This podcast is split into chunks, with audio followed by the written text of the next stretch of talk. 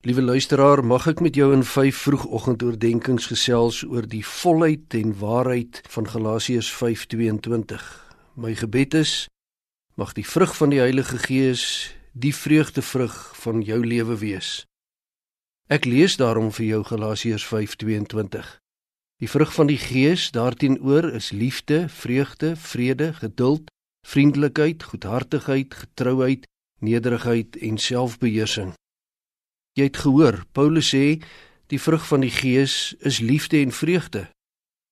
Bybelwoorde wat ons nie durf misverstaan nie. En daarom die woord vir liefde in ons vroegoggendteks beteken soveel as gewillige selfopofferende diens. Dit is ware liefde. Liefde wat nie wil hê nie, maar wat wil gee.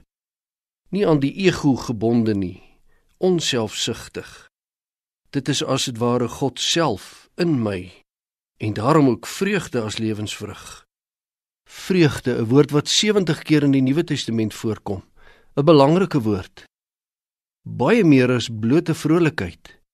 'n Woord wat dieselfde woord wat met genade vertaal kan word. Nie bloot menslike emosie nie, maar vreugde in my hart gebaseer op geestelike realiteite en waarhede.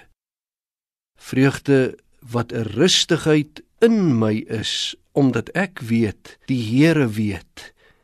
Hy weet van alles en hy weet van my. Vreugde in my siel se binnekant, want die Here seën en beskerm my.